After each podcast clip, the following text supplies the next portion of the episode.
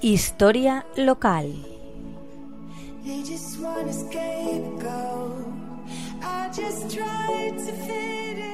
Buenas tardes, amigas y amigos de la Tegua Radio.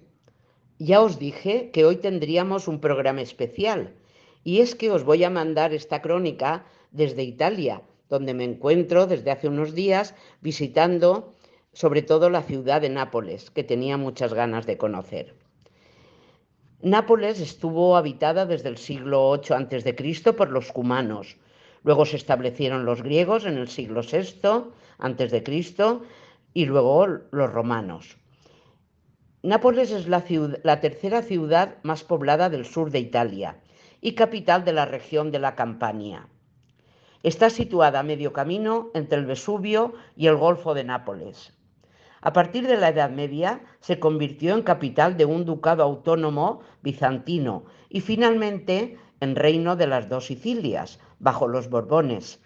Tiene una enorme riqueza histórica y artística que la llevó a la UNESCO a declararla Patrimonio de la Humanidad.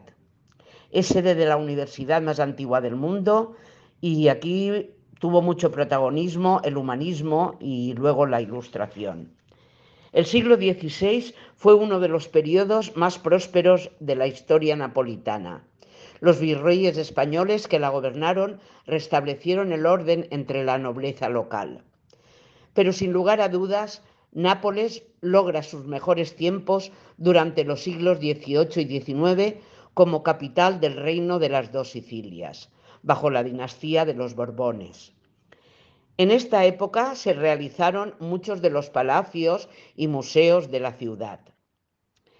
Nápoles es un teatro bajo el cielo, es calor, es mar, es Vesubio, es gente alegre, es caos de tráfico, es ruido y folclore, música y pizza.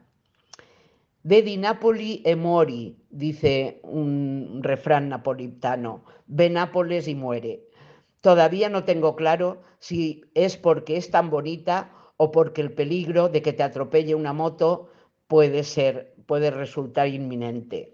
De cualquier manera, una maravilla de ciudad y alrededores que estoy disfrutando muchísimo. Hoy hemos estado en la isla de Capri y bueno, ¿qué os voy a contar? Capri, tenéis que verla algún día, amigos. Apuntarla en vuestra lista de ciudades para visitar y hasta la semana que viene. Un cordial saludo.